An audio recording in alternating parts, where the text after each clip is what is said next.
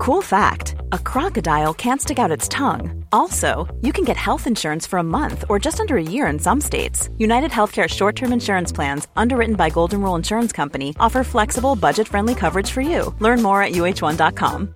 Hey, Dave. Yeah, Randy. Since we founded Bombus, we've always said our socks, underwear, and t shirts are super soft. Any new ideas? Maybe sublimely soft. Or disgustingly cozy? Wait, what? I got it. Bombus. Absurdly comfortable essentials for yourself And for those facing homelessness. because one purchased equals one donated. Wow, did we just write an ad? Yes. Bombas. Big comfort for everyone. Go to bombas.com slash ACAST and use code ACAST for 20% off your first purchase. Hallå! Simon Gärdenfors heter jag och snart börjar min podcast Arkivsamtal. Innan vi kör igång så har jag lite roliga nyheter. Jag har sålt min första stand-up special, en slapp timme, till Comedy Central. Och den kommer att visas på tv med premiär den 27 januari nu, 2017. Klockan 22.00. Det här känns sjukt stort för mig. Det är många av mina amerikanska idoler, som till exempel Bill Burr och Jim Gaffigan, som har haft stand-up specialer på Comedy Central tidigare. Och nu blir jag den första svensken någonsin som har en egen special på Comedy Central. Så det är jävligt roligt alltså. Och hur ser ni den då, tänker ni? Ja, om du har tv så kontaktar du din operatör och kollar så att du kan fixa Comedy Central. Eh, om du inte har tv så finns online-tjänsten Magin. Som har Comedy Central i sitt grundpaket. Finns som app för alla mobiler och på nätet. Eh, på webben. Kan man även starta ett gratiskonto där. Som är gratis de eh, första sju dagarna. Så jag kommer själv då fira det här i Malmö genom att titta på premiärsändningen på storbild på Blå båten. Och då hoppas jag att ni också vill göra tillsammans med mig och mina kompisar. Så här kommer kvällen se ut i Malmö, fredagen den 27 januari. Jag och Anton Magnusson, vi kör live stand-up klockan 20.00. Anton kommer mest köra nya grejer. Jag kommer köra material som inte är med i föreställningen Slapp timme. För sen klockan 22.00 så visas den showen en slapp timme då på storbild på Comedy Central på Blå båten i Malmö. Så då får man gärna sitta kvar och se den också. Så det kommer bli en extra kul kväll för det är en så kallad picknickföreställning dessutom. Eh, fast eh, det är inomhus då, det är inte utomhuspicknick. Det är inomhus på Anna Linds plats 10 i centrala Malmö. Så man får alltså ta med egen öl om man är över 18. Annan dryck om man är under 18. Och mat, oavsett ålder, får man ta med egen mat. Eh, men det är ingen åldersgräns, så passa på för det är inte många standup-kvällar eh, där folk får, under 18 får komma in. Så biljetterna är nu släppta och kostar bara 160 spänn för allt det här. Och det hittar ni på kulturcentralen.nu. Eller googla Blå båten och så vidare. Men om du inte kan komma Mm, på det, just det här så har jag lite andra gig i, har något i Malmö, jag har även andra gig i Stockholm, Göteborg, Gävle och Lund. Länkar och datum det hittar ni på gardenfors.blogspot.com. Och glöm inte att följa mig på Instagram och andra sociala medier. Det heter atgardenfors.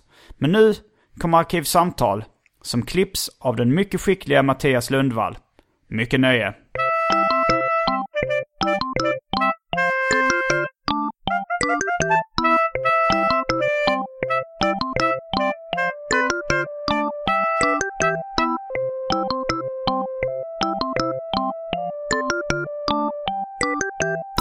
Tycker ju inte det är så jävla roligt att uppträda. Nej, Eller jag, jag tycker inte det är kul om det inte är optimala förutsättningar.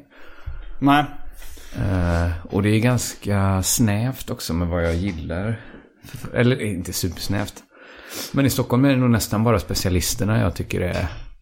Har du testat TS Kaos? Ja, inte riktigt min style.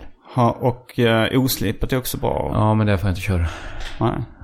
Och vad finns det mer för bra klubbar eh, i, i Stockholm? Anders och Nisse är rätt bra. Det har alltid varit så himla, himla lite folk när jag Ja, det är ganska. Det är nästan inte ens körbart. Det har suttit kanske sex pers. Ja, men jag ser det lite som att det är många gig som inte är så kul. Men att det är så här, om man ser sig själv som en boxare som Ja. måste träna. Så är det kul att vinna matcher och att det går bra. Ja. Och så måste man ju ta vissa så hårda träningspass för att bli bättre. Så att det blir roligare i Ja, längden. men det är exakt det jag inte gör längre. Eller jag orkar bara träna när det känns kul. Som Mm. har blivit. Hej och välkomna... Vänta, hur är det jag brukar börja? Jag har kommit bort. Hej och välkomna till Arkivsamtal. Jag heter Simon Gärdenfors och mitt emot mig sitter K. Svensson. Yes. Välkommen hit. Tack så mycket. Alltid roligt att få vara här. Det, jag vet inte riktigt var vi ska börja. Du har just kommit innanför dörren. Ja. Du har handen i bandage. Ett eh, egenkonstruerat tryckförband. Okej. Det var en... eh, jag tänkte nästan att du skulle notera det, för det är ganska ögonfallande. eh, Och blodigt. Man blir sån här... Är det blodigt inuti? Det är inuti, men det har liksom läckt ut Det, det är en blod. pjäs de conversation. Eller också är det ju motsatsen, för man känner det är ingen som liksom börjar prata med en på tunnelbanan när man står med handen i blodiga trasor sådär. Ja, just det. Men det var, det var, ett- jag, det började igår eftermiddags när jag, jag hade ett affärsmöte. Och så, det gick liksom rätt bra så det blev att vi drack liksom någon, kanske två öl mer än jag hade tänkt mig. Hur många hade du tänkt dig? I, alltså jag hade hoppat på, på två men tänkt att det blir nog tre. Och så blir det fem. Och då, då blir man ju full liksom. Det, det där går i alla fall min gräns. Då känner jag ju av Ja, ja. Fem, fem, starköl i magen alltså. Och så gick jag och handlade. Jag skulle ju bara köpt lite korv. Men så fick jag sån feeling att jag köpte ostron istället. Jag tänkte överraska och komma hem med ostron. Och så när jag skulle öppna dem, vi hade ingen, jag har aldrig köpt hem ostron, jag har bara ätit ute. Så jag hade ingen ostronkniv utan tog en sylvass jävla liten ondskefull kniv. Och liksom stötte så här, jag hade ostronet i handen, stötte inåt och så slant jag och så det gjorde något, så- alltså det, jag vet inte vad man har i handen, man har väl hur mycket senor och små ben som helst. Ja. Men det liksom strålar långt upp. ja. Ja, det, det känns som det skulle kunna gått. Det gick ganska illa, men det hade kunnat gå... Alltså så kanske jag behövt åka in va. Du behövde inte åka in, du gjorde allting själv. Ja, jag gjorde allting själv. Så jag, Det jag, låter som något som en kr- klasskrock. Det här att försöka öppna ostron på väldigt primitivt sätt. Ja, men det var... Men har du köpt hem ostron någon gång? Nej, jag är inte så stor fan av ostron. Nej, men jag köpte bara några stycken. Jag tänkte det kunde vara kul, men, men det, det blev liksom... Det så märkte jag på Anna när jag kom hem, då min fru, att hon är ingen jätteostron-fan tror jag inte. Och, eller vem är egentligen ett jätteostron-fan? Så jävla gott är det ju inte. Jag träffar jag några kompisar som gillar ostron jättemycket. Ja, men jag, jag kan gärna beställa in det för att det är en liten fin ritual. Men stå där och slafsa hemma. Jag, bara, jag slängde liksom alla ostronen rätt i soporna. Men är du sån som du, när, när du inte gillar någonting och du märker att det finns andra som konsumerar den här varan. Tänker du då så, de gillar inte det egentligen? Ja, men li...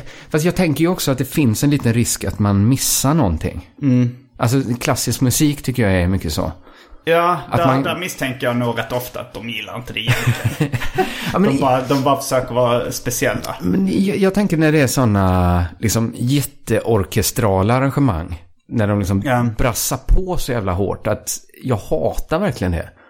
Jag, f- men, men så tänker jag, det kanske, det kan ju vara mig det är fel på. Att jag inte har den känsligheten. Ja, fast det, det är ju kanske en generationsgrej också. Att det var en viss generations bästa musik. Ja, Och sen så, när jag växte upp så liksom, det, jag lyssnade ändå på musik som kom rätt mycket i och med mm, min generation. Alltså jag, jag är ju inte så Nej, född i fel årtionde musikaliskt. Nej, helt som rätt, vissa va?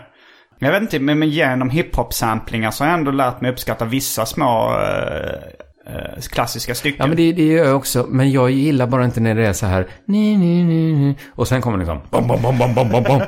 Det är det som är mitt värsta med klassisk musik. Men jag, jag kanske gillar... Den kontrasten mellan... Ja, när man inte bara kan sitta och ha det lite på. Mm. Men, nej men jag kan väl gilla klassisk musik också. Men, men eh, jag tänker nog oftare att det är mig det är fel på, ja. Som svar på din fråga.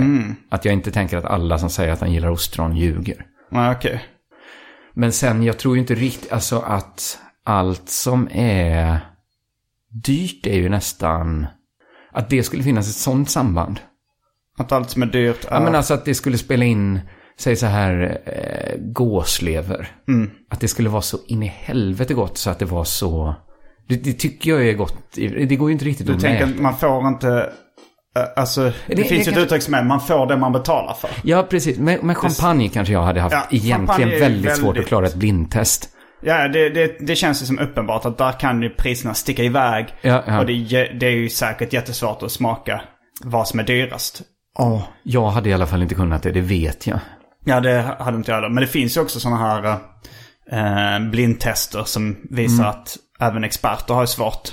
Speciellt Mm. ja. med vanligt vin också eh, kan ju också priserna bli jättedyra. Ja. Men, men det, det här tror jag säkert jag hörde på institutet med Jesper Rönndahl eller någonting. Då är det sant. Men då att när folk får testa viner och, eh, och liksom så får reda på hur mycket vinerna kostar innan. Alltså så tycker de de är lite godare om de är... Ja, Dyra. och det, det är inte bara det att de säger att de tycker Nej. det är godare. Utan även när man sätter sådana här elektroder på eh, hjärnfrekvenser och sånt där. Så sticker njutningen iväg. Ja. Något så fruktansvärt för att man vet att det är dyrt. Så att det blir liksom godare. Och, då, då, och sen så har de ju i de här undersökningarna fejkat det och bara satt olika priser på, Ja men på samma är, vin. när man dricker dyrt vin så, om man känner att det smakar en viss sak, så Mm. kodar man ju om det i sitt huvud som, ja ah, jag kände den där fina smaken. Men när man dricker liksom en kartong Husets Röda och det smakar någonting så kodar man ju det som, gud vilken unken Jo, smak. när man vet att det är Retsina och det smakar lite kåda. Ja, så blir man glad. Eventuellt lacknafta eller mögel eller Ja, men det det värsta är ju när det står så tydlig gästig karaktär. För då vet jag ju att smakar det gästigt, det kan ju betyda att det är ett jävla sopigt vin som man brukar hemma i garderoben och inte liksom filtrerat ordentligt. Ja. Eller liksom att det ska då smaka, champagne kan ju smaka rätt mycket jäst. Tycker jag. Kan det inte det? Kan- Jag har inte tänkt på det. Nej, nej, skitsamma. Allt det här pratet om dryck har gjort mig törstig. Ja, mig med. Vad har du i ditt skafferi? Nu har det blivit dags för det omåttligt populära inslaget Välj drycken.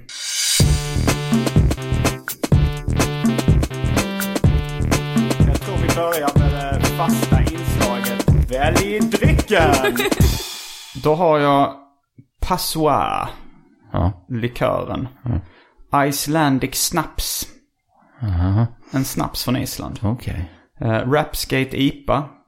Lokalbryggd öl i kvarteret. Jaha. Eh, mjöd, Fritz Cola, Frutti Extra, mjölk och för tråkmånsar och nejsära vatten. Då tar jag den här uh, IPAn då. Rapskate IPA. Ja. Jag är också lite sugen på den. Så ifall det finns Rapskate IPA så två stycken så tar jag också det. Ja. Annars så får min dryck bli en överraskning Ja, för, eh, för lyssnarna. Ja. Vilket för oss in på det nya fasta inslaget i Arkivsamtal. Jaha. Europas sämsta cliffhanger. All right.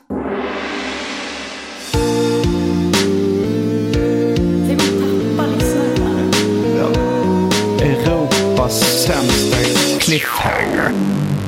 Det är då cliffhangern. Mm, vad cliffhanger, kommer- vad kommer jag välja om, det, inte finns? Ja, det är, en då, väldigt dålig cliffhanger. cliffhanger. Ja, det är det. Ja, då är vi strax tillbaks med dryckerna och eh, resultatet, eller vad man ska kalla det, Mm. i Europas sämsta cliffhanger. Häng med!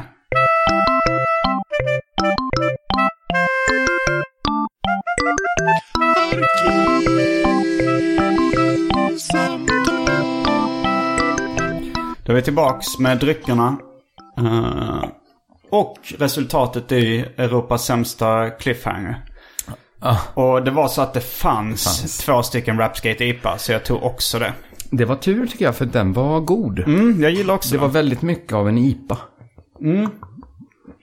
Hur var, du, du hittade även Icelandic Snaps? Ja, jag var tvungen att smaka på den, men eh, den luktar liksom väldigt lite.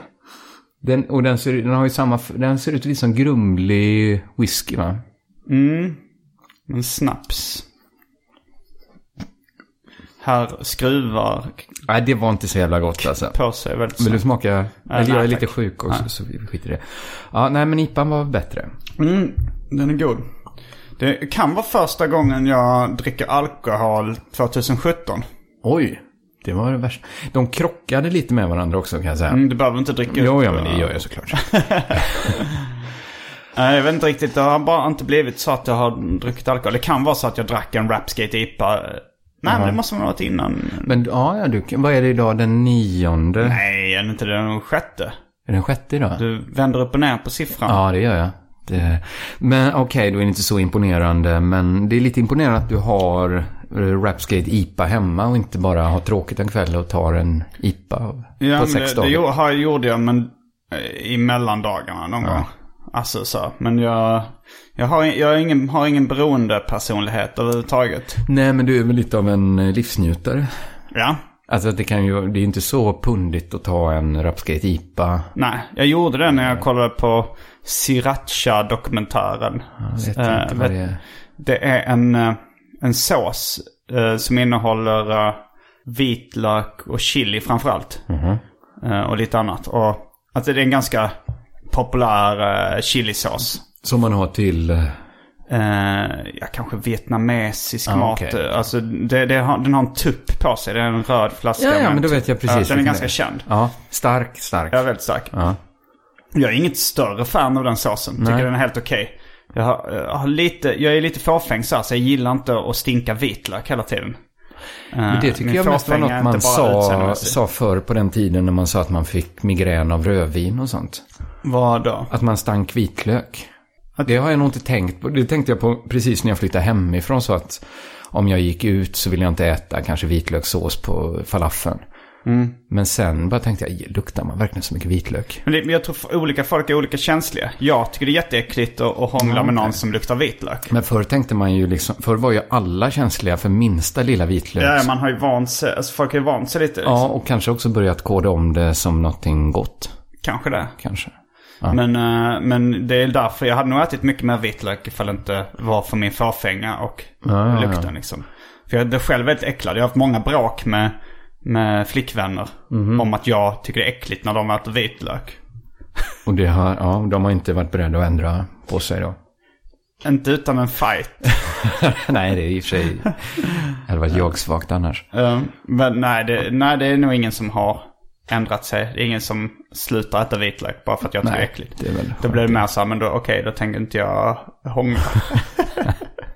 Eh, och det är ingen princip, det är bara att jag tycker det är äckligt. Ja, ja, ja. Nej, men det, Eh, men, men det var, ja, det var en kompis då som sa att det fanns en eh, Sriracha-dokumentär på, på Netflix. ja. Och när jag har kollat på Netflix med min tjej så har jag alltid frågat så här, vad vill du säga för film? Så jag vill säga den. Sriracha-dokumentär. Du har sagt det? Ja, jag har sagt, för Ja. jag tycker det verkar intressant. Ja, hon har Och sagt, nej. Ja. Exakt så, där hade kunnat uh, utspela sig hemma hos mig också. Okej. Ja, det är typiskt sånt man passar på att se när man är själv. Som Ja. den general... Det var någon annan om någon Kina-rätt på Netflix. Ja, General Tso's Chicken. Exakt. Ja, den har jag också sett. Den fick jag ju se själv. Ja. Jag vet inte varför det är så könskodat. Det känns som ingen kvinna har någonsin sett. En dokumentär om en asiatisk maträtt eller sås.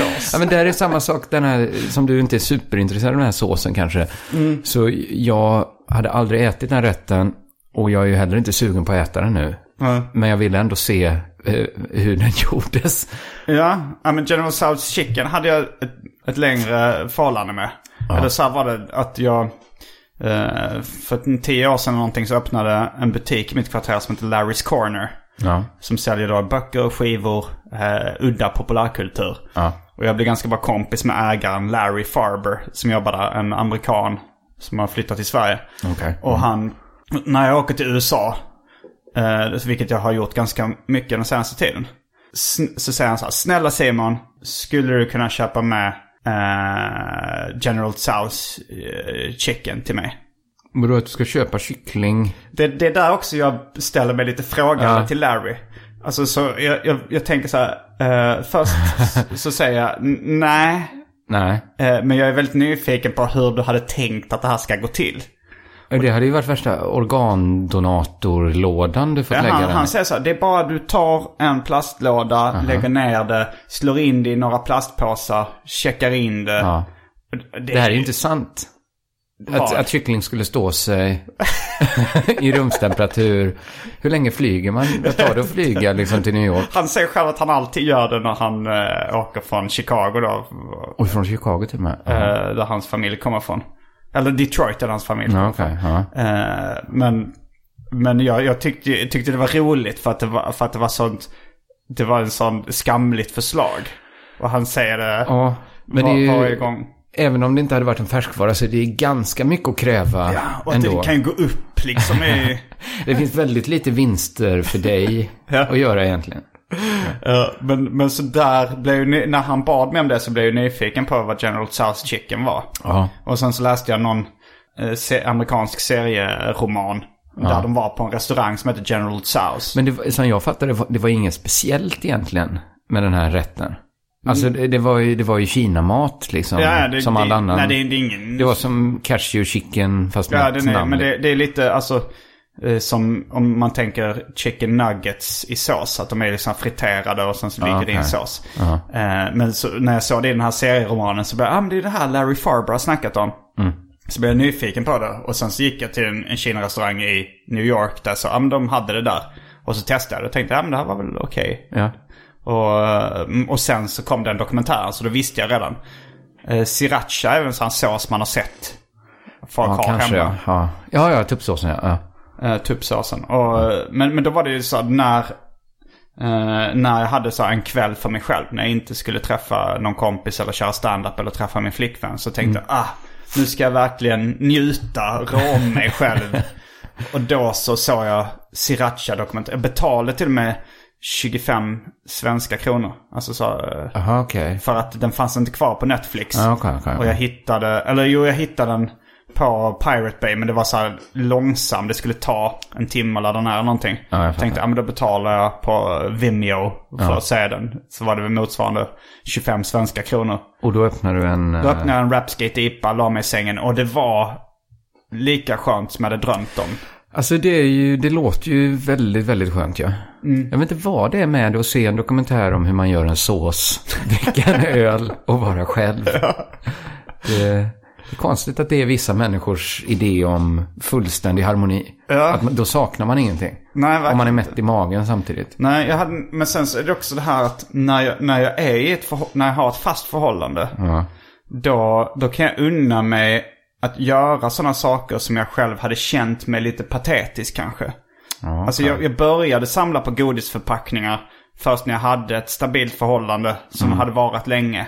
För annars hade jag nog känt mig som en sån misslyckad individ som samlar på godisförpackningar. Och det, jag skulle bara bidragit till den här ensamma, tragiska Ja, mannen. Det blir han eh, seriebokskillen i, i Simpsons. Ja, just mer det. om du inte har tjej. Men om jag har tjej så kan jag unna mig att vara... Men det är nog två olika personlighetstyper. För jag är nog mycket mer den andra som känner att jag måste eh, hålla höjd. Aha, du, att du måste leva upp till Ja, precis. Jag kan nog rollen. inte ligga i kalsonger och titta på såsdokumentärer och dricka öl. Inte ens, ens, ens när du är ensam. Jo, när, jag är ens, när hon inte ser då. Ja. I så fall. Eller ja, jo, alltså. Jag, jag, jag får nog säga att jag lever nog liksom. Ändå om jag skärper mig så lever jag nog ändå kanske dräggigare än medel nu. Men jag har ju ändå skärpt mig för att det skulle vara pinsamt. Liksom inför min fru att leva liksom för. För mycket lågliv. Med di- ditt ord. Du tänker på hygien och, och Ja, städning? men kanske mer också lite så här vanor, hur många folköl man dricker på en kväll och sådär. Um, Det, det, det ser, alltså just folkölsdrickande, det är jag en stor vän av. Men det, det, det lämnar ju spår. Alltså, om man det, inte, ja, det är svårt. Man kan inte bara slänga burkarna i soporna. Man ska helst panta dem det då. räcker att det står fyra burkar vid mitt liksom, lilla eh, liksom, bord vid fåtöljen. För att det ska, då ser det ju liksom pundigt ut helt plötsligt. Ja. Det finns ju nästan inget som drar ner statusen på ett rum så mycket som massa tomma ölburkar. Jag tycker plastpåsar. Pizzakartonger också. Ja, fast, alltså rent, bara rent estetiskt Alltså det så tycker ligger- jag att ICA-kassar, alltså så här Ja, plastpåsar, det. att det ser så jävla stökigt ut om Ja. det bara ligger en plastpåse någonstans i Jo, rummet. det gör eller det ju. står någonstans. Jag, jag, har, jag fått nästan lite eh, fix idé på det. Att jag inte vill se Men är det ofta att det händer att du har plastpåsar som blir liggande? Men det det kan ju vara till exempel någon som kommer med, har med sig en påse kläder eller Ja, just det, just det. Och sen så ställer den i rummet när man ska göra någonting. Då finns det där som en irritation i mina Ja. ögonvrå. Det ser jag vill inte se ut. den. Nej, nej, jag håller med. Jag håller med. Ja, vad var vi? Du såg Jo, men jag tänkte på... Ja, en, en tanke är, finns det fler såsdokumentärer? Man vill ju se fler. Eh, ja, säkert. Men det, det finns det väl. Jag försöker lära... Det är en sån sak jag försöker ha i mitt minne. De fem franska grundsåserna. Ja, vad är sånt det? jag har försökt lära mig hundratals gånger. Men jag ska se om jag kan s- droppa dem nu. Ja. Då är det velouté. Vad är det för något som du tar ett exempel på en velouté? Jag vet inte. Nej, det vet inte. Nej. Espanol. Är det brunsås?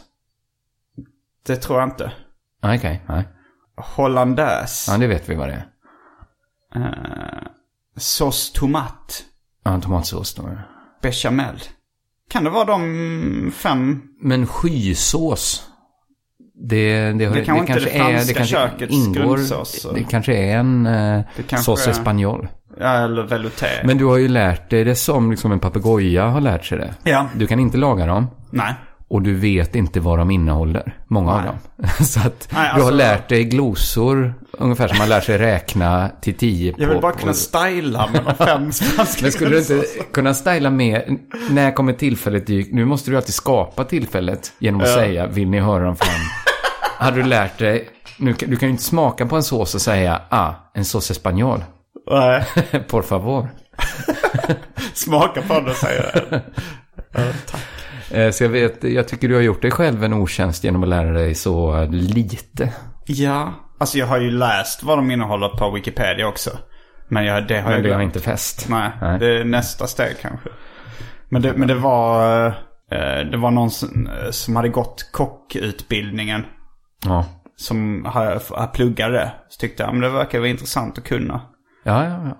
Jag gick samhällskunskap. Och då så tyckte han att då skulle jag kunna alla världsdelarna. ja. Det, det tror jag misslyckades med då. Alla världsdelarna är ju inte så... Kan, kan du droppa alla världsdelarna? Ja, det beror ju på hur man räknar. Det finns ett eh, officiellt eh, Ja, okej. svar på det. Okej, som svar, jag kanske inte vet vilka de officiella är. men, men, men det är ju ändå, jag lovar att jag kan lära mig. Hur många är de? Fem? Jag ska se hur många de är. Okej, jag, jag räknar på fingrarna under bordet. Det är också ett underbetyg, att du inte kan i huvudet. Antalet. Nej, men räkna i huvudet. Ja, Du måste ta till finger, visuella. hjälp, hjälpmedlet fingrarna. Ja, jag blundar. Du vill veta hur många det är innan Ja, du precis. ett Innan jag ger mig på det då. Säger du så här 12 nu så är jag ju körd. Ja, det, är, det, det är en också som eh, jag är lite, lite osäker på. Eller ett men om- namn som jag är osäker på. Om jag börjar... Men det är sex stycken skulle jag säga. Okej, det är sex stycken. Då börjar jag med Europa. Ja. Så säger jag Asien. Ja. Så säger jag Afrika. Eh, sju stycken. Du glömde Jag Afrika. Det är så Det är himla. Ja, det är lätt hänt. Och då Okej, säger... vänta, sju stycken. Okej, du har Europa, Asien, Afrika. Ja. Sen chansar jag på att, då, att, de kall, att de säger Oceanien om hela det här eh, Australien, Nya Zeeland och öriken omkring. Det stämmer. Ja, då är jag uppe på fyra. Mm. Ja, det finns ju bara en del kvar nu. Men är det att de räknar nord, central, syd? Nej, det, det, det, det, det, det är också Arktis kanske är en. Så jag säger Nordamerika, Sydamerika och Arktis då. Ja, det, det, var den där sista som, alltså det, det är en av dem. Antarktis eller Arktis som är en världsdel också. Men jag vet inte om det är Antarktis eller Arktis Men- som är en men liksom, det är nog Antarktis. Poängen här var ju inte att visa att jag är så duktig på geografi, utan att även om jag hade haft noll rätt nu, så hade jag lätt kunnat lära mig. Ja, på, på samma sätt. Så att det är ju inte så utmanande att han sa att du som läser på eh, gymnasiet och allt, du borde kunna alla världsdelarna. Men jag har ju hört att det finns fem världsdelar, så räknar man väl med OS-ringarna är väl de fem världsdelarna liksom som hänger ihop, att alla får vara med. De kanske också glömde Afrika. Och kanske Antarktis eller Arktis. Den varmaste många- och kallaste är lätt att glömma. Ja, just det. Here's a cool fact a crocodile can't stick out its tongue. Another cool fact you can get short term health insurance for a month or just under a year in some states. United Healthcare short term insurance plans are designed for people who are between jobs, coming off their parents' plan, or turning a side hustle into a full time gig. Underwritten by Golden Rule Insurance Company, they offer flexible, budget friendly coverage with access to a nationwide network of doctors and hospitals. Get more cool facts about United Healthcare short term plans at uh1.com. Hey, it's Sharon, and here's where it gets interesting. Raise your hand if you want salon perfect nails for just $2 a manicure. Yeah, me too. With the Olive and June Manny system, you can say goodbye to expensive services that take hours and hours and love your nails more than ever. I would know I've been doing it for years. Get 20% off your first Manny system with code PERFECTManny20 at oliveandjune.com slash PERFECTManny20. That's PERFECTManny20 at oliveandjune.com slash PERFECTManny20. I'm Sandra, and I'm just the professional your small business was looking for. But you didn't hire me because you didn't use LinkedIn jobs. LinkedIn has professionals you can't find anywhere else, including those who aren't actively looking for a new job but might be open to the perfect role, like me. In a given month, over 70% of LinkedIn users don't visit other leading job sites. So if you're not looking on LinkedIn, you'll miss out on great candidates like Sandra. Start hiring professionals like a professional. Post your free job on linkedin.com slash today.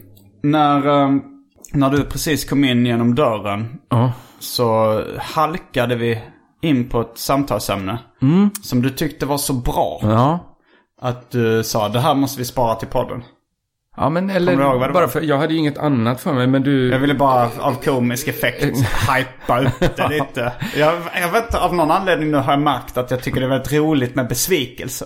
Det här med Europas sämsta cliffhanger. Är också, det bygger också på besvikelse.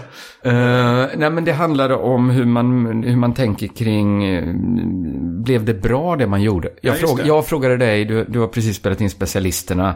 Podcast. Blev det bra? Eh, ja. Och sa, ja det, jag tror det blir ett vanligt avsnitt. Ja. Och sen så eh, kom jag in på tanken, det är ganska svårt att avgöra ibland vad som blir bra och vad som inte blir bra.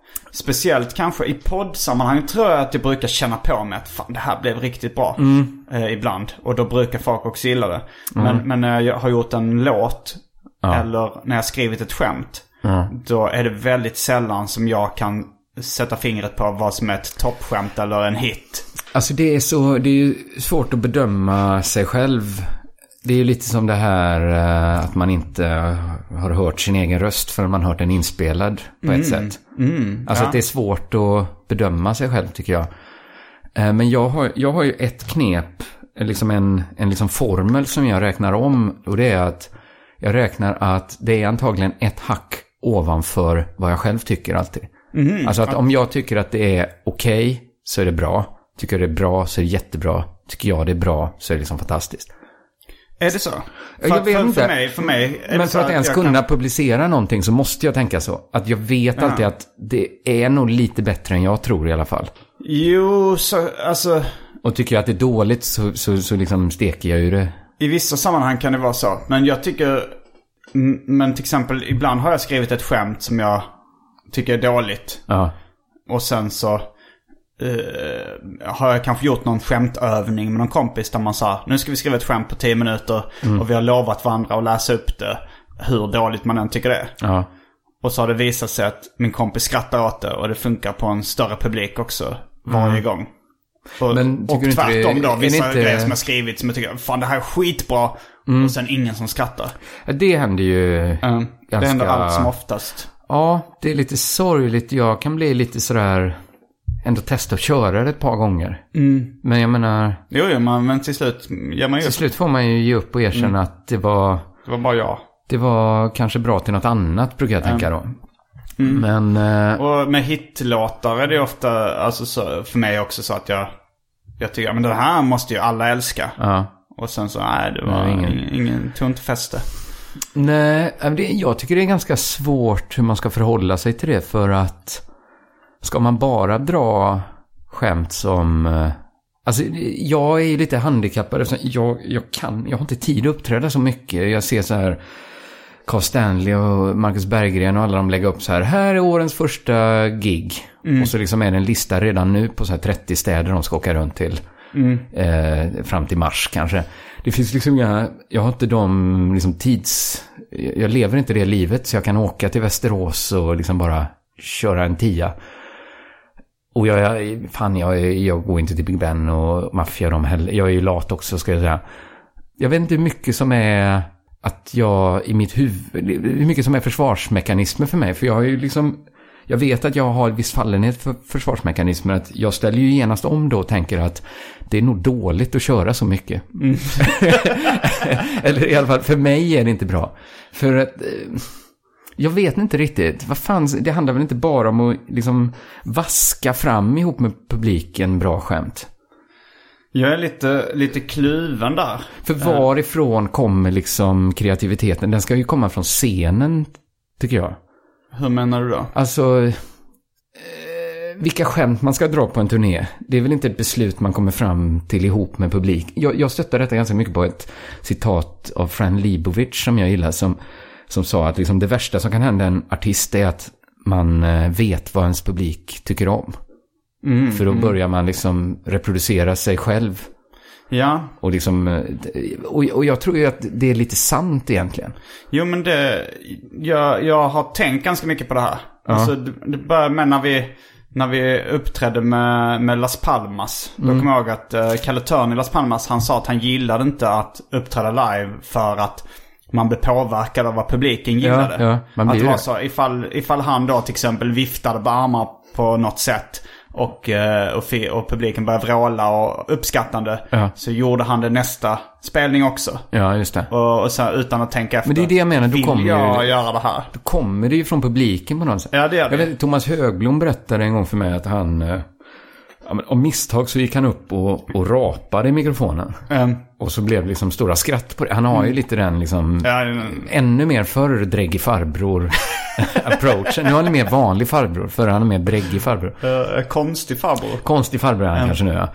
Och då liksom började han rapa när han gick upp på scenen. Och folk skrattade. Och sen så tog han själv beslutet att det- det ska inte jag göra. För Nej. att jag är väl inte en sån farbror som går och liksom rapar och får skratt. Nej. Alltså på, på, på ett sätt så är det ju så. Det är på 90-talet när både du och jag var unga så var det ju så här fult att vara sellout. Att anpassa sig efter publiken. Mm. Sen så har det lite dött ut. Jag kommer ihåg, jag kommer ihåg att, hållet. eh, att jag hörde ett eh, program med Pappa Di på P3. Han hade ju något sånt där dancehall-program eller Ja, någonting. Eh, och där så pratade de om, och han hade varit på Jamaica. Och där så sa han att begreppet sellout finns inte på Jama- Jamaica. Där tycker de bara det är coolt att man säljer mycket och har stor Ja, ja. problem, publik och så. Och sen så blev det väl lite, eh, i och med så här hiphopkulturens bling-bling-tänkande. Eh, och så, så blev det lite så i USA och kanske nu i Sverige mer och mer också. Att Ja. det, det, det, begreppet sellout har suddats ut lite. Att, att, så här, att Eminem gör någon liksom kioskig, eh, så här, verkligen radiohit med Rihanna. Mm. För att mm, sälja så mycket som, eller bli så populär som möjligt. Och, Ja, att, ja. och att det liksom eh, förlorar inte så jättemycket cred på det Nej. bland dagens publik. Nej men det är ju ingen som tycker att en komiker känns liksom tristare att ha som favorit bara för att den har ett lyckat YouTube-klipp. Nej, det, det har ju lite dött ut. Men, men samtidigt så finns det ju en poäng med det som vi snackade om nyss. Att, att det blir mer originellt kanske när man lyssnar mindre på publiken. Jag tänkte Ja. på när jag gjorde serieboken Nybuskis. Eh, då var det bara jag och eh, David Liljemark var väldigt inblandad i den också. Eh, vi tog med det som vi tyckte var roligast liksom. Jag visade inte liksom skämten för någon annan innan boken publicerades. Nej. Och jag tyckte så här, i stort sett alltid den är jätte, jättekul. Ja, och det är ja. ganska grovt och det är så här. Eh, Ja, och sen så när, när, när boken släpptes, det blev ingen, ingen uh, storsäljare. Nej, å mycket andra sidan, väldigt få saker blir ju storsäljare. Jo men jag tänkte så här, det här är så jävla roligt. Det här kommer ändå, alltså det här kommer att vara oemotståndligt. För att det är så roligt. Men, men sen så när jag började med stand-up så förstod jag ganska mycket hur, hur smal genren knulla barn är. Eh, ja, men det, det är ju en smal genre. Det är en smal genre. Ja, det, Eh, och fattade det är att- knappt ens en genre. Nej, det kan jag inte. Det är mer ett ämnesval. Ja. Men eh, för jag gick upp så här, tänkte, med samma tanke på Big Ben då. Så här, det här är ju oemotståndliga skämt. Mm. Alla kommer ju älska. och det var helt tyst. Ja, Eh, ja. För det blev dålig stämning och sådär. Ja, men det, det finns ju liksom andra skäl att liksom uppträda för en publik. Det är ju till exempel eh, öva sig. Mm. Alltså, eh, man, man blir ju... Det är ju lite så här... Eh, många repar ju i skarpt läge skulle jag säga. Ja. Alltså att man... Övar inf- men man övar inför en mindre publik. Ja, precis. Eller en liksom billigare publik. Ja. Jag kommer ihåg min storebrorsa, han, han är i businessbranschen. Det är en väldigt rolig bransch att vara i businessbranschen. men, men företag, företagande tänker man. Han, han har läst någon sån här businessbok som hette, jag tror den hette Little Risks eller Mini Risks. Okej. Så, och då så kom han och sa, vet du vad jag läst i den här boken? Det är så, då var, hade de Chris Rock som exempel. Att så att innan han kör liksom en, en stor så här, föreställning. Så testar han liksom sina skämt på en mindre publik. Ja. Och att det nu liksom eh, hade tagits till företagandet. Att om du ska göra en produkt så testar man den ofta på en, kanske så här, du kanske lägger upp så här, nu har vi en, en, eh, nu ska jag bara dra till med någonting, en, en vinpistol. En sorts vattenpistol som kan skjuta vin i munnen. Jättedålig uppfinning. Ja, och sen så lägger man upp den den. du lägger upp den på en hemsida. Och så ser du antalet beställningar. Ja, ja. Då har du inte ens börjat producera den utan du har nej, bara nej. fejkat den i något 3D-program så att folk tror att det finns en vinpistol att beställa. Och ifall det då får tillräckligt mycket beställningar Ja. så, så börjar de producera den, trycka upp många. och ifall ni inte får det så säger de så här, nej men eh, vi, det, det blev aldrig av det här. Och så får Ja, folk fattar. tillbaka sina pengar eller de kanske beställningar bara rinner ut i Ja, sanden. det. men, att det, men för mig det, som hade börjat med stand-up då var det ju en självklarhet att man Ja, ja. testar, testar sina Jo, precis. Och det gör ju jag. Men nu, nu håller jag på att skriva en föreställning i detta nu. Eh, som ska börja spela. Jag tror det är 17 mars. Den måste vara färdig. force majeure. Force majeure, ja. Precis. Har Det- du snart in på latinska titlar? Ja, Titlar? faktiskt. Det, men jag ville ha det... Jag har ju någon sorts plan att göra en föreställning om året. Så tänkte jag att de får liksom hitta något sätt, liksom något ytligt sätt att få dem att hänga samman. Och förra hette ju då Persona non grata. Så tänkte jag, ja men då kanske den kan heta Force majeure. Det är också så jävla rymliga begrepp. Man kan ju liksom stoppa vad som helst. Den handlar ju egentligen, alla mina föreställningar från och med nu kommer handla om, ja, sen mars förra året ungefär och framåt. På det sättet att det är materialet jag skrivit.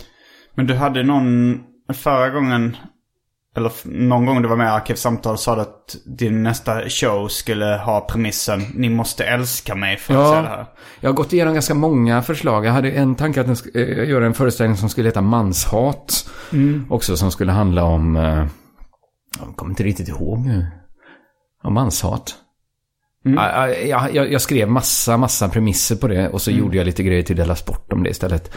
Men så kom jag nog fram till att det mest rimliga och lättast för mig är bara att, det får vara liksom så här årskrönikor egentligen. Självbiografiskt. Ja, jag har ju gått över till och nu gör jag väl bara självbiografisk stand-up egentligen. Eller liksom i alla fall är öppen med Men att det här sen, är... ja, sen kan ju självbiografisk stand-up är alltså är det självbiografiskt eh, material att prata om vad är grejen med krukor? Ja, men det tycker jag det kan vara Ja, det- egentligen ju. Det är ju det är inte o... Du, det du finns hittar ju- inte på. Alltså, det finns är, ju liksom den... eh, Det finns ju helt fantasifull stand-up. Du kan ju ha ibland skämt där jag vet att det här inte är sant. Mm. Liksom att eh, varje del i skämtet är ju, på, är ju skrivet. Ja. Eller liksom ta en Jonas Strandberg har ju helt, det är ju helt wacko, Ja. jätteknasig humor liksom. Det har ingenting med han att göra. Så, men det, det är ju inte alls min style. Nej. Så nu är det ju mer, jag vet självbiografiskt, självbiografiskt. Det det väl skämt jag skrivit egentligen sen, eh, mycket sen eh, nu hösten och vintern. och sådär. Men då har jag ju metoden, eftersom jag inte har så Men handlar många... det om saker du gått igenom som att du skaffat barn? Ja, det blir ju ganska mycket barn. Mm. Det är ju nästa, det kommer nog bli tyngdpunkten i den föreställningen. Och då, det är ju rätt, jag har själv sett föreställningar där jag har blivit besviken för att en idol skaffat barn. Mm. Jag såg en rätt dålig föreställning med Dylan Moran.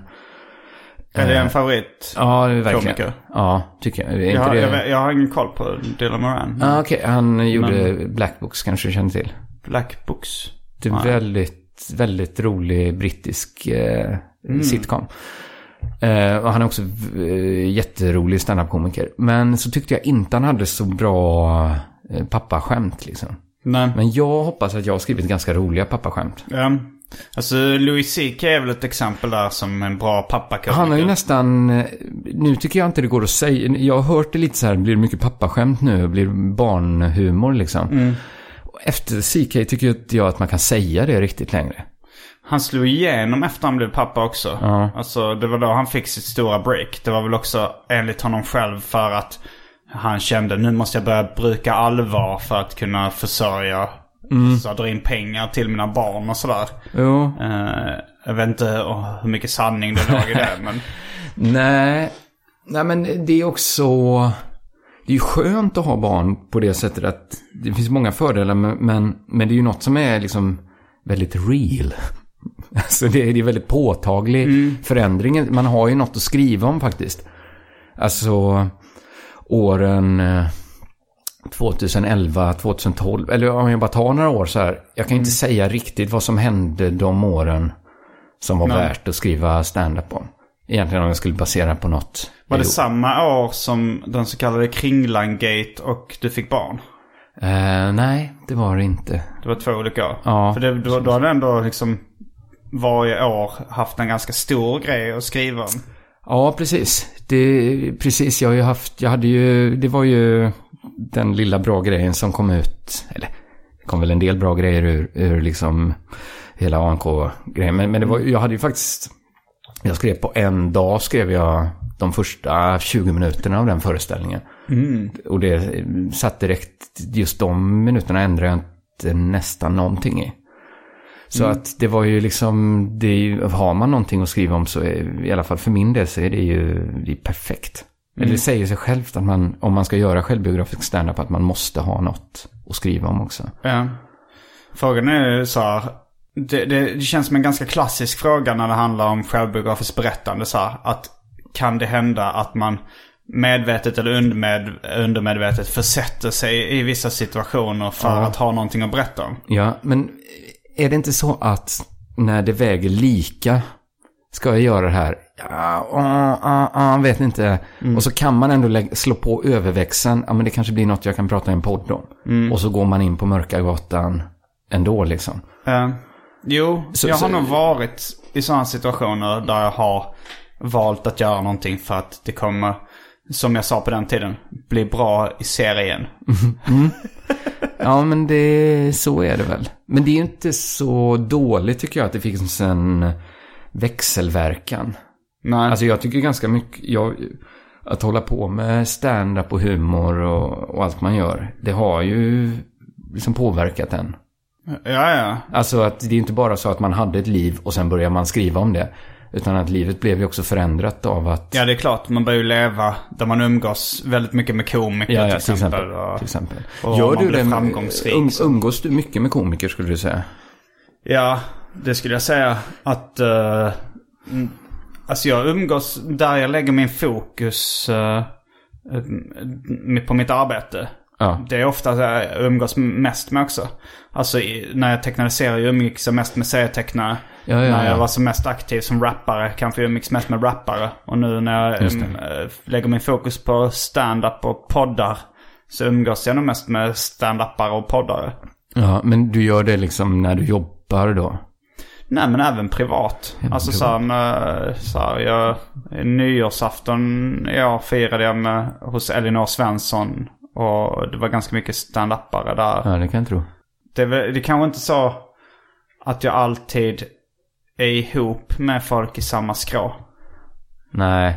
L- Nu, nu har det blivit ändå- så att min, min flickvän har börjat med musik och jobbar med det. Höll hon inte på med det när ni blev Hon ihop? kunde ju sjunga och sådär och gjorde det på skoj. Men, eh, eller så här för skojs skull. Men hon jobbade inte med det då. Nej. Men, eh, men det är ändå, okej nu är ju du musiker också i och för sig ja. Mm. Ja, men jag kände det att jag, fan jag umgås inte mycket med komiker längre. Det gör inte det? Nej. Det Gjorde du inte det innan? När du bodde i Malmö Jo, sådär? Mm. absolut. I, I Malmö gjorde jag det. Har du fått en ny bekantskapskrets nu då? Nej, eller ja. jag har ett barn istället. Är väl lite... Men ja, precis. Men det, det är ju att den är ofta tillräcklig liksom. Mm. Alltså det är det. Man skulle egentligen kunna träffa mer folk. För man har Mm. tid och liksom möjlighet att göra det hela tiden.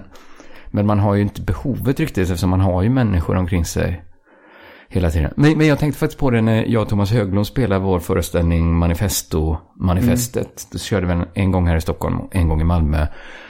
Och så kom det liksom sammanlagt noll kollegor och tittare. Mm. Liksom, verkligen ingen så här, bitterhet, men, men jag bara, jag bara tänkte, det fick mig ändå tänka på, aha, ja, något har faktiskt, något har faktiskt hänt nu. Nu Mm. kommer ingen och tittar. För, för när jag, bodde, alltså, när jag började, Men du tror inte det, alltså för det här klassiska telefonen slutar ringa-känslan. ja, Och, och det, det är väl liksom en parallell till det här, inga kollegor dyker upp.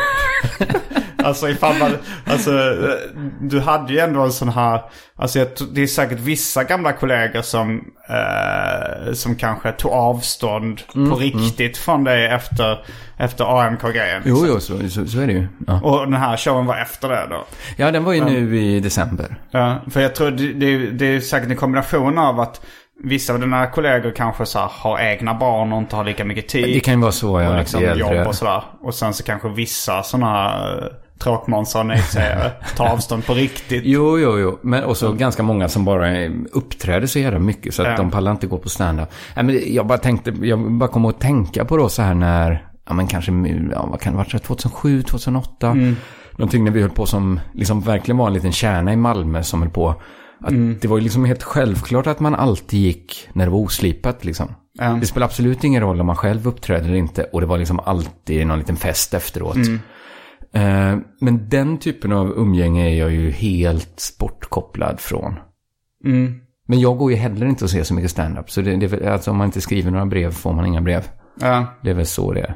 Jag bara föreställer mig att det skulle vara lite större intresse. Från dina eh, kollegor. ja, det trodde jag nog. Men eh, ja, skitsamma. Men det var bara en liten... Det, det gjorde mig inte ledsen eller bitter eller någonting. Men jag bara tänkte, jaha ja, det är så det är nu. men eh, jag vet inte. Fin, ja, man tillhör ju någon bransch. Jag kommer ihåg när, um, när jag då fick idén till uh, Simons 120 dagar.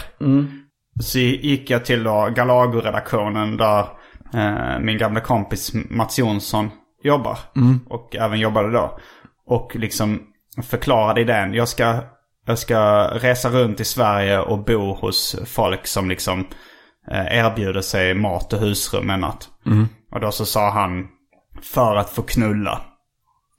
Och då så tänkte jag, det var insiktsfullt Ja, av honom. absolut. Det var ju gans, det var säkert mer, eh, ganska mycket medvetet, även ganska mycket undermedvetet, eh, en tanke med det. Ja, okej. ja.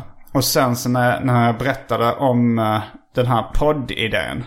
Eh, så sa han, men jag ska eh, prata med, men det ska vara lite kompisar, lite eh, kollegor och lite. Och så sa han så här, Simon eh, spelar in ett samtal med, med någon varje vecka. För att hålla kontakten med sina gamla kompisar. och då kände jag, det var insiktsfullt. Ja, Eller det var kanske delvis, det kanske är en sån för att jag umgås ju mycket mer med mina gamla kompisar och, och, och sådär. En gång i veckan. Det är inte ofta man har ett samtal Nej. i timmen med någon polare. men alltså- man sitter och tar en öl, man snackar. Det, att, eh, jag skulle säga så här, det, det är ett jävla lifehack egentligen att eh, jobba med kompisar. ja, Bara för, dels är det roligare att jobba. Men framförallt, det är ju nästan det, det enda okrystade sättet att hålla kontakten med vuxna män. det är en tagline. Ja, men, för jag har ju gamla vänner som inte alls håller på med, de, de har jag fortfarande kontakten med och sånt där. Men eh, kan jag på något sätt få in dem i någon slags jobb så, så ju- försöker jag alltid få till det. Ja. det Men sen blev det ju lifehacket också att det var ett sätt att lära känna människor Ja, på. jo. Alltså så här, jag lärde känna Anton ganska mycket genom eh, så här, en av de första gångerna vi snackade en timme var ju då i arkivsamtal. ja. Och ganska mycket andra folk har jag lärt känna under Ja. inspelad form. Men det, alltså, jag vill ju också, om jag ska träffa någon, så vill jag ha något att göra. Mm. Jag tycker liksom, supa ihop, ja men då gör man i alla fall någonting. Det funkar, men det har jag gamla kompisar. Jag, Kolla på film, menar du det? Att det nej, det tycker jag inte är någonting. faktiskt. Jag går inte. Supa eller Jag går gå inte, ja men gå, gå till en bar ihop. Det, då gör man någonting. Men det, Gå det är på ju bio då? Alltså det kan jag väl göra, men det är inte det, bästa, det, är inte det roligaste jag vet. Mm. Eller då gör man ju inget tillsammans egentligen. Men om man liksom kan jobba ihop, då, Mm. då gör man ju bokstavligt talat något ihop. Mm. Och har ett liksom, gemensamt intresse. Det, det tycker jag är det mest liksom, behagliga sättet att umgås på egentligen. Mm. Eh, men sen, jag vet inte, för egen del så har jag ju liksom... Jag vet inte, jag kanske missbrukar ordet arbetsnarkomani. Eh, Du anser att du själv är det? Nej men jag, kall, jag säger det ibland. Ja. Men jag vet inte om det stämmer. Du identifierar dig som arbetsnarkoman? Eh, men, men sen, för det, för det är väl lite, men det är lite samma grej du är inne på. Att jag tycker att det mesta annat känns lite meningslöst. Alltså om man bara sitter... Men det känns lite onödigt om man istället bara kan hitta på något ihop.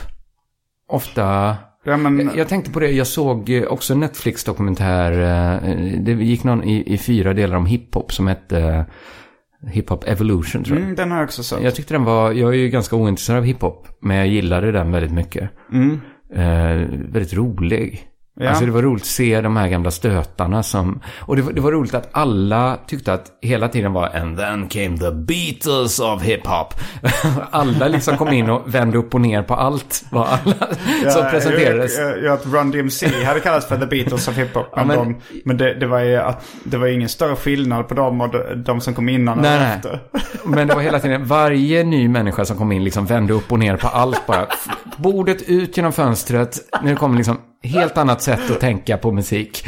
Men det var ändå den här James Brown-funken i bakgrunden som man pratsjöng över.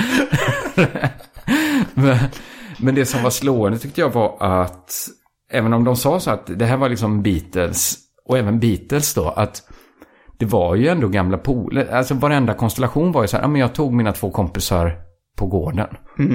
Och nu, jag, jag spelar ett band nu igen för första gången sedan sent 90-tal. Vad jag heter det bandet? Det heter eh, QK. Eh, jag vet inte hur man ska läsa ut kuk. Kuk kan man läsa ut det. Eh, ja, men det, jag tycker så här att jag aldrig... Jag, jag tycker det är väldigt, väldigt, väldigt bra band. Men det är ju också på samma... Det är ju människor som... Det är min bror och min kompis från området där jag växte upp utanför Borås. Så att egentligen så fanns ju all den begåvningen jag behövde ha, fanns ju alldeles nära mig. Alltså helt vanliga kompisar. Jag vill komma in på är på något sätt att det går ju att jobba ihop med nästan vem som helst. Det finns ju ändå nästan, om man tänker så liksom att, att Paul McCartney och John Lennon skulle varit var och en för sig så här helt fantastiska låtskrivare. Så bra då som de har blivit i musikhistorien. Så, så finns det ju ingen, liksom sannolikheten att de skulle träffas är ju nästan noll. Så att man fattar, det är inte så det funkar liksom. Utan nästan alla människor kan man, tror jag, ha supersamarbeten med. Även gamla kompisar. Ja, Som, alltså, eh, man, man gillar ju säkert vissa för att man tycker att de är roliga eller begåvade på något sätt också. Eh, man kanske inte söker sig till eh, någon elev i särskolan som är helt borta. Nej, men det kanske man ändå inte umgicks med. Nej. Men men, eh, men för, jag menar så att där redan har man sorterat ut alla, eller ganska många antitalanger. Ja, ja, för man tänker så att jag måste flytta in till liksom eh, stan för att liksom umgås med liksom kreativa människor. Och, Men egentligen hade jag, jag hade kunnat bo kvar i mitt pojkrum egentligen och ändå ha kuk kvar. Eh, Om det hade varit hela, nu är inte det hela mitt värv. Men, men jag tycker det, det har varit en ganska inspirerande upptäckt tycker jag. Ja, men sen så är det ju eh, då frå- det återstår ju att se hur, hur bra kuk blir. Ja, För att eh, det, kan ju vara, det kan ju vara en sån grej som mest, jag har ju inte hört kuk. nej. Så det kan ju vara så att det, det kan vara eh, att det mest du och medlemmarna i kuk som tycker det är jättebra. Som tycker det är jättebra. Eh, ja, men det men kan ju vara för- tillräckligt också Ja, egentligen. det kan det ju vara. Eh, för, för er egen skull. Men sen så kan det ju, för, för att i andra sammanhang så har du ju haft samarbeten och, och eh, klubbar och poddar och sånt med folk som du kanske mer lärt känna i branschen. Jo, där ja, du absolut, har hamnat absolut. i gräddan av liksom Malmös eller Stockholms Ja, jo. humorscen. Jo, och så har ni bildat konstellation- konstellationer som blivit då framgångsrika. Ja, ja, men så, Eh, så och, då, och då kommer det motbevisa din tes ifall då det visar sig att, Att kuk är jättedåligt. kuk är dåligt och Ja. an, där du har hittat andra begåvningar som har tagit sig till en högre nivå. Ja, absolut. Har blivit bra. Ja, så är det såklart. det återstår att se. Jag tror vi ska släppa vår skiva i februari. Då kommer hela tesen prövas. Men sen så kan det ta lite tid också. Det kan ju, jag, jag kan ju tänka mig så att ett gäng ungdomar från kvarteret som lär sig saker ihop eh, kan ju bli jättebra på någonting. Ja. ja, men det kändes... Det var ju så det var i den här hiphop-dokumentären i alla fall. Men de hade ju också liksom i och för sig epicentrum hela tiden som alla drogs till. Att det fanns liksom någon sorts scen. Ja. Ju, som, som Jo, kanske, det är kanske motsvarande då Stockholms humorscen. Ja, Att eh, man träffas på klubbarna och så bildas det lite konstellationer ja. där. Det var så Ja, det, det är intressant att se hur det hela tiden bildas små nya liksom, atomer överallt. Man ser så här på Instagram, jaha nu är de ett gäng. Okej, okej. Ja. Men glider vi ifrån vårt ämne hur man bedömer om något är bra eller inte? Nej, det, kanske var färdiga det med det får också. själv dö. Ja. Ifall det inte fanns mer på det ämnet så... Nej, jag vet inte, jag tycker det är... Jo men jag tycker det är ett intressant ämne. Ja, och jag vet Och som sagt inte hur frågan- mycket som är försvarsmekanismer nu för Nej. min del. Att jag, försöker, jag ska försöka komma... jag- Min enda sätt nu är ju att skriva... Jag försöker skriva 15 minuter till varje nytt gig. Mm. Och så hoppas jag att 10 av dem ska gå och ta vidare till föreställningen. Så kommer jag hinna. Ja. Det är min plan. Men jag märkte det också sen när jag... Eh, det var ungefär samma veva som jag började med stand-up som jag lärde känna Anton Magnusson. Ja, Och då var han som mest inne på battle rap. ja just det. Och var, eh, om inte bäst i Sverige, så en av de tre bästa battle. Och eh, han berättade att han gjorde ju så då att han testade sitt material innan. Mm. In, inom battle rap, att han testade på kompisar och liksom. Och det hade jag aldrig gjort innan liksom. När du Varken- rappat eller... Varken rappat, battlat eller eh, tecknat serier eller något sånt där. Mm, Att jag bara gjorde det jag själv tyckte var roligast. Och sen så publicerade jag det. Och så fick, fick reaktionerna bli som de blev. Ja, just Och det. där, eh, för det är den kontrasten som är liksom, när man gör så, det är då tror jag man kan hitta det riktiga, riktiga guldet egentligen. För då sorteras inte det ut liksom av den allmänna uppfattningen eller liksom inte ens av dina fem kompisar. Nej, just det. Vad de tycker är roligast och vad de väljer ut. Fast samtidigt så blir du nog mycket lättare framgångsrik om du lyssnar på Ja, vad ja, ja. folk runt dig eller en publik eller, tycker. Ja, men såklart. Men, men jag tror att jag hade aldrig, alltså om jag till exempel Nybuskis då, den boken som jag är väldigt nöjd med själv. Ja, ja. Hade jag eh, tagit in en liten testpanel, ens av fem kompisar. Då hade ju eh, den sett helt annorlunda ut. Ja, Och jag hade ju säkert inte på något sätt inte haft kanske. samma... Jag hade inte haft samma kär, personliga kärlek för den. Nej. Men den kanske hade blivit mer framgångsrik för att det hade kanske okej det här är någonting som tilltalar en större massa. Och de två eh, polerna väger emot varandra ganska mycket. Ja, men jag tänker så här att jag kommer ändå aldrig vara liksom den största standup-komikern. Så jag, har liksom viktat ner den poolen. Så att den inte är så betydelsefull. Mm. Utan jag vill ju vara liksom den bästa på, på, på det andra sättet då. Och det är ju ingen som säger att... Men, men jag tycker det är genuint svårt att liksom testa ett skämt på en kompis. Det, jag har inte riktigt den typen. Alltså, jag, jag kan testa en premiss på Anna. Så här, Vad tror du om den, den här premissen liksom? Jag, jag testade en premiss nu till exempel som var så här att jag... Att jag ska prata om vad jag gillar för litteratur. Att jag ska bara gå upp och säga jag gillar svår litteratur. ett jävligt roligt statement att ha. Ja, och sen prata om det väldigt länge. Hur svår litteratur jag tycker om. det, det kan jag göra liksom. Men sen själva gestaltningen kan inte jag hitta en situation hemma där liksom stjärnorna står rätt så jag kan gå och liksom Ja, men på det sättet jag vill framföra dem liksom lite skrikande, lite utfall, lite liksom så här ord som man liksom laddar upp sig själv så det kommer liksom något roligt ord automat. Det kan inte jag göra hemma eller inf- inför någon kompis riktigt. Nej, då måste jag inför en publik. Jag ska säga så här, jag kan inte ens göra det om det är en slapp gratis eh, på något sätt, det måste stå... Jag tror specialisterna, då kan jag faktiskt känna att det, det är perfekt. Mm. Det är Den typen av klubb, liksom under jord. Jag hoppas jag kan komma till Pandora i, i Göteborg också och testa. Det verkar vara en väldigt bra klubb. Har du varit där? Nej, jag ska dit nästa år. Ja. Eller det, det här året. Ja, jag, jag fortfarande ligger kvar. i förhandlingar. Det, du ligger i förhandlingar med klubben? Ja, med klubben. Och min fru.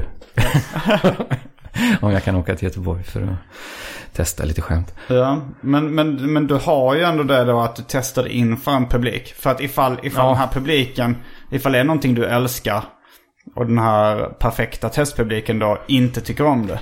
Nej, Så kommer du väl inte bara Nej, då får jag ändå stel. Men då kanske det ändå var bara så här dumheter som lät kul i huvudet. Det- Ja. Man får ändå vara öppen för den. Ja, men då, men då är det ändå skillnad på liksom den ja. sortens underhållning och till exempel nybuskis som är helt otestat. Att man bara kastar ut det jag tycker är roligast. Det är Ja, liksom. Ja, men det är som en otestad föreställning. Man bara går upp och kör första gången någonsin. Ja. Fast det är så mycket lättare att göra det i bokform än i föreställningsform. Eftersom det är ju sån plågeri. Man själv, plågar sig själv när man kör någonting som folk inte skrattar åt som är tänkt att vara roligt. Ja, det är Nu är hemskt. det Framförallt om man liksom verkligen satsar Ja. på liksom själv. Då, det finns ju liksom ingen väg tillbaks där. Nej, Man- men, men, så, men då är det kanske så liksom med, med en bok. Att det, det är den här tystnaden på 90%. Ja. Fast, eh, fast samtidigt de, för det måste ju ändå, om jag, jag tänker så här.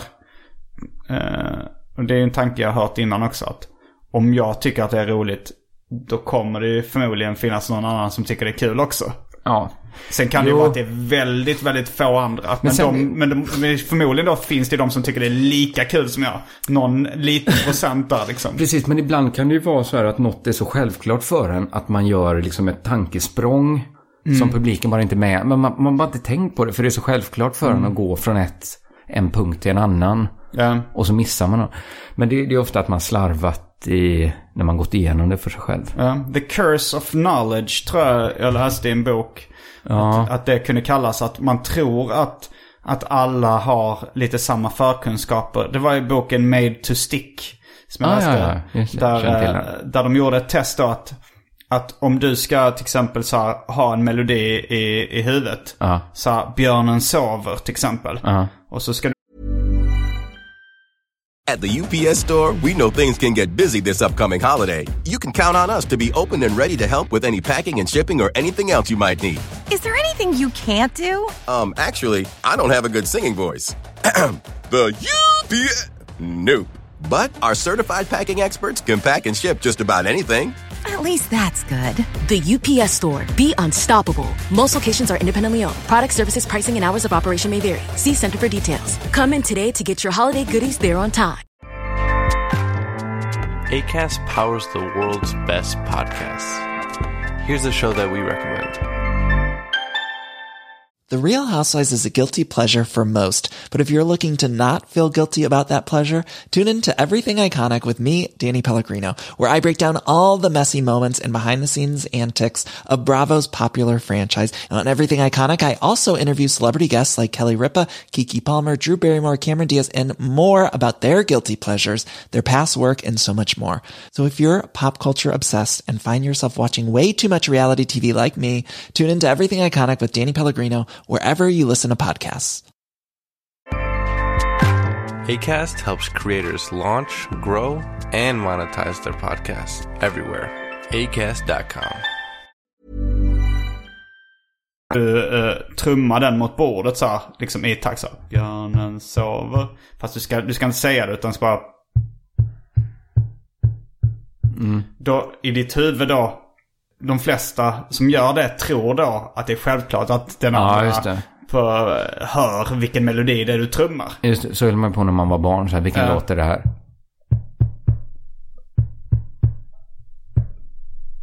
Hörde du? Nej. Det var Rocky-låten. Jo men så är det ju. Och det Ja. kallades the curse of knowledge. Men Ja, det kunde ja, ja. översättas till ganska mycket annat. Att sådär att du, du kanske tror att folk fattar ditt skämt. Ja, ja. Uh, men, ja, men, det för sån, där kan det ju ändå vara bra att testa bara vad, Mm. landet. För det är ju helt meningslöst att stå skämt, dra skämt som bara man själv fattar. Jo, sådana skämt fanns det Men när man väl har testat det en gång så vet man ju det sen. Vad fan måste man testa dra skämten 200? Vissa säger man måste dra ett skämt 200 gånger. 200 gånger är... Ja, okej, jag drog, tog i Alltså jag, jag, min gräns är... Jag brukar eh, sådär, när jag har testat ett skämt fyra gånger. Ja.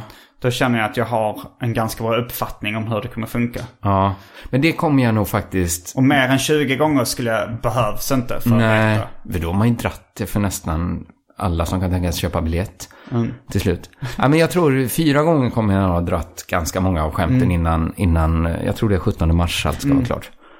Eh, köp, det finns biljetter ute nu. Får jag Mm. göra lite reklam? Ja, visst. För Force. Force. Det, vi, vi- vi, jag tror inte Göteborgsföreställning, ja skitsamma. Gå in på till exempel min Twitter eller min Insta så hittar ni en länk till var man kan köpa biljetter. Och då söker man på K. Svensson. K. Svensson, man kan söka på Facebook också. Gå in på underproduktion underproduktion.se snedstreck biljetter. Det är det enklaste. Så ser man allting. Alla städer ligger inte upp ännu, men, men de kommer. Mm. Och med de orden avslutar vi veckans avsnitt av Arkivsamtal.